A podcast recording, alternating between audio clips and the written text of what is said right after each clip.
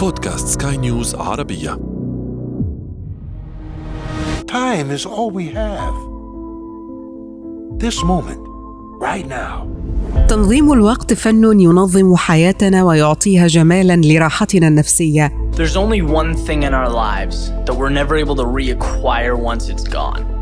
مهارة إدارة الوقت هي أحد المهارات اللازم والضرورية جدا للإنسان الذي يبحث عن النجاح. لماذا لم يتم إنجاز المهام المطلوبة في موعدها المحدد؟ يا الله ترى في كل تفاصيل يومي داخلة ببعض. مو عارفة أنظم أولوياتي. تخيلي حتى المهام اللي لازم أسلمها بوقتها. مو قادرة أسلمها بوقتها. إنها حقا مشكلة. ينبغي تسليم المهام. في وقتها المحدد. أنا حاسة عن جد بتوتر وحاسة إنه حياتي مو منظمة أبدا ولا حتى عم بقدر أنجز المهام المطلوبة مني. حتى هالشي ترك عني انطباع سلبي عند مديري وشغلي وهذا الشي كتير أثر على حياتي الشخصية والاجتماعية. ما تعتلي هم كل اللي عليك تعمليه هو إنه تنظمي وقتك وأولوياتك وشوي شوي رح تترتب حياتك وتتحسن نفسيتك.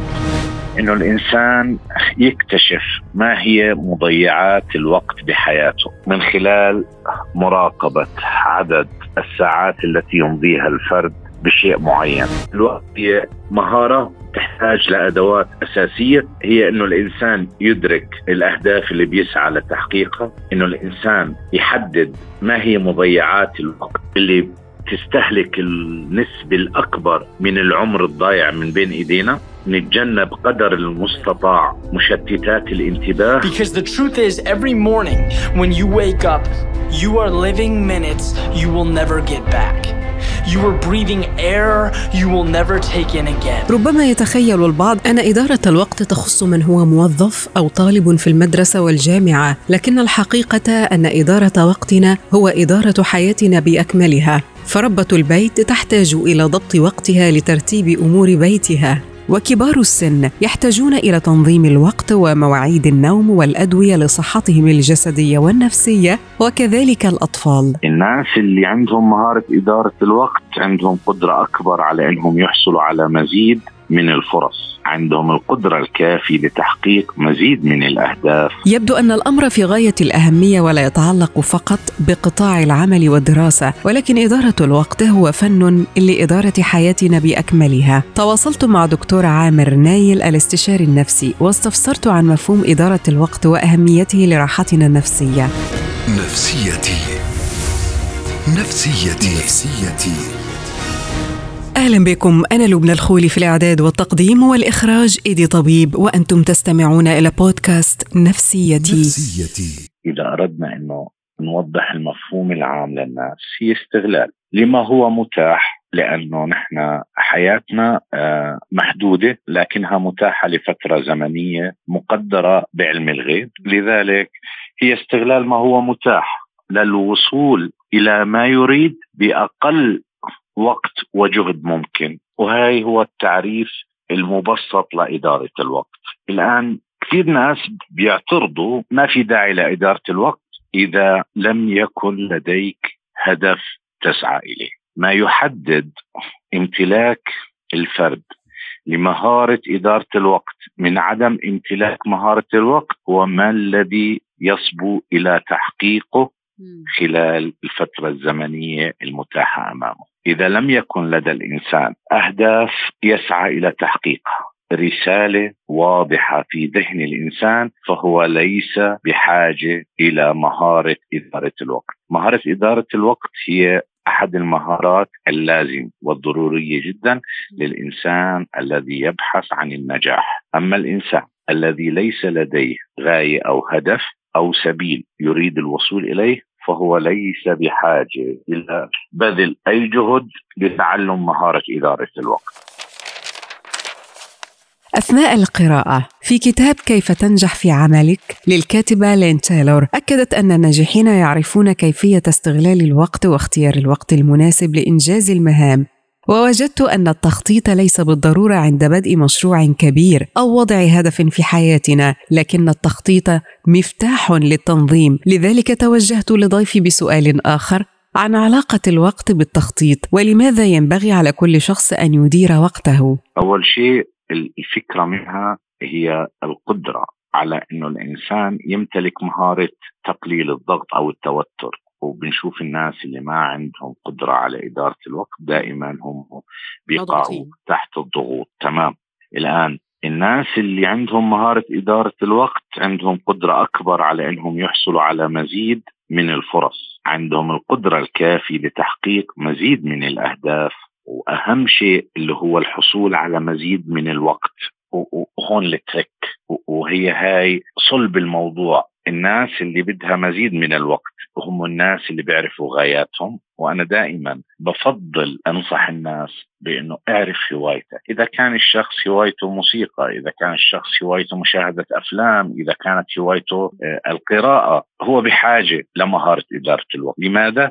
كي يستطيع تعزيز نفسه بالحصول على مزيد من الوقت لممارسة هوايته، والهواية هنا تعتبر نوع من مكافأة النفس على مهارة إدارة الوقت. دكتور يعني حتى تنظيم الوقت وإدارة الوقت إذا حتى لم يكن الشخص يعني طالب أو يعمل في شركة أو يعني يحضر رسالة ماجستير أو دكتوراه أو غيره من باقي الأمور حتى لربة المنزل أو حتى لكبار السن عملية تنظيم الوقت في حد ذاتها هي مفيدة لتنظيم مواعيد الطعام وتنظيم مواعيد النوم وتنظيم مواعيد الراحة. حتى مواعيد الأدوية. يعني هي إدارة الوقت ليست فقط لهدف آه، أسعى إليه لأنجح في شيء ما أو أحقق آه، يعني مكسب ما. يعني هو إدارة لحياتنا بشكل عام سواء كان لدي هدف أو أعمل أو لا أعمل امرأة ربة منزل أو امرأة عاملة. إدارة الذات هي قدرة الإنسان على ترتيب أولوياته للوصول لأهدافه. تمام؟ الآن ربة المنزل اللي عندها قدرة على إدارة ذاتها وإدارة الذات تعني القدرة على التعامل مع الناحية الاقتصادية القدرة على التعامل مع الناحية الاجتماعية والقدرة على القيام بالواجبات والوظائف المطلوبة منها. ربة المنزل الناجحة بإدارة الذات هي بالتأكيد إنسانية تمتلك مهارة إدارة الوقت وهي لا يمكن إنها توصل ل خلينا نقول مرتبة إدارة الذات دون إدارة الوقت. هناك درجات للوصول لإدارة الوقت. من الأهم فالمهم والعاجل والطارئ والمؤجل. نتابع تلك الدرجات من منظور علم النفس. ودائما بحب أحطهم المصفوفة اللي هي الرباعية. عندنا إحنا مهم وعندنا غير مهم. وعندنا عاجل وعندنا غير عاجل. هذول لما بنوزعهم على الأربع مربعات بيصير في عندنا الوسيلة الأفضل لتنظيم الوقت. في عنا أشياء مهمة لكنها غير عاجلة وفي عنا أشياء غير مهمة لكنها عاجلة وفي عنا عاجل لكنه غير مهم وفي عندي غير عاجل لكنه مهم. تبدأ بتوزيع المهام المطلوبة منك وبتستطيع إنك توصل للطريقة المثلى لإدارة الوقت. لكن هذا الفن في إدارة الوقت في له درجات للوصول له أول شيء الناس التي لا تدرك أهمية إدارة الوقت لا تستطيع القيام فيها. فالخطوة الأولى يا لبنى من وجهة نظر علم النفس من وجهة نظر العلم أن يكون الإنسان مدرك لأهمية الوقت. أو نعطي تشبيه. لو كنت إنسان بال30 من عمرك أو بال25 من عمرك. وزرت أحد المستشفيات وشاهدت الناس اللي بال70 أو 80 من العمر. راح يكون في عندك وعي أكبر بأهمية الصحة. الناس اللي ما بتدرك أهمية الفلوس ما بتقدر تدير الفلوس. آه. والناس اللي ما بتدرك أهمية الوقت لا تستطيع أن تدير الوقت. هاي الخطوة اللي هي بنسميها إحنا الخطوة الأولى أو الأساس لفن إدارة الوقت هي أن تدرك أهمية الوقت المعطى لك بشكل مجاني. الخطوة الثانية واللي دائما أنا يعني بركز عليها إنه الإنسان يكتشف ما هي مضيعات الوقت بحياته من خلال مراقبة عدد الساعات التي يمضيها الفرد بشيء معين خلينا ناخذ وسائل التواصل. الناس الناجحين هم الناس اللي بيراقبوا الوقت اللي بيقضوه على وسائل التواصل وبالتالي المراقبة بتؤدي لرفع مستوى الوعي وبالتالي الاستغلال الأمثل. نحن ما بنقول إنه ممنوع. بس إذا قلنا إنه في عندك ساعة ونص ساعتين باليوم فبدأ تفكر ما هي الطريقة المثلى لاستغلال الساعتين اللي عندي. لكن لو كان الوقت مفتوح أنا بعرف أنه أنت بتحبي الأمثلة وأحد التجارب اللي بيروها بعلم النفس كانت كالتالي. إعطاء أحد الدارسين بأحد الجامعات ست ساعات لتسجيل أكبر عدد ممكن من الرميات داخل السلة. وجدوا أنه هذا الإنسان أول ثلاث دقائق كان متحفز لتسجيل عدد كبير من الرميات ثم بدأ الدافعية تقل ثم في نهاية الوقت اللي هو الست ساعات اللي أعطيت له وجدوا أنه هو سجل 120 هدف.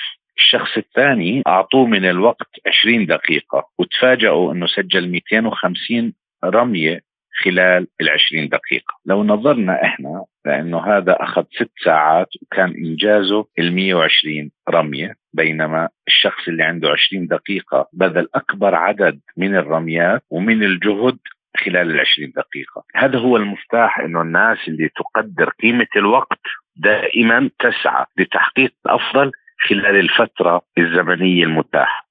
النقطة الثانية إنه الإنسان يكون محدد الأهداف اللي بده يوصل لها وراح اعطيكي مثال الشخص اللي من دون أهداف لو عزمتيه يطلع يلعب راح يقول لك يلا أعطيني خمس دقائق وبكون جاهز.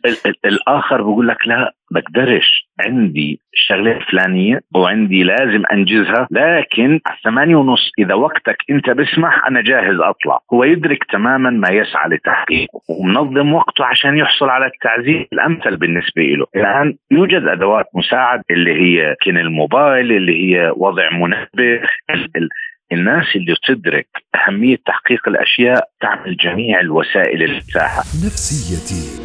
وختامنا من هذه النصيحة المقدمة من الطب النفسي. الوقت هي مهارة تحتاج لأدوات أساسية. هي أنه الإنسان يدرك الأهداف اللي بيسعى لتحقيقها أنه الإنسان يحدد ما هي مضيعات الوقت اللي تستهلك النسبة الأكبر من العمر الضايع من بين إيدينا نتجنب قدر المستطاع مشتتات الانتباه وأخيرا وليس آخرا حدد دائما الهواية التي تشعر بالسعادة عند ممارستها من أجل تنظيم الوقت للوصول لذروة المتعة بالنسبة لك بحياتك. نفسيتي. نفسيتي. نفسيتي.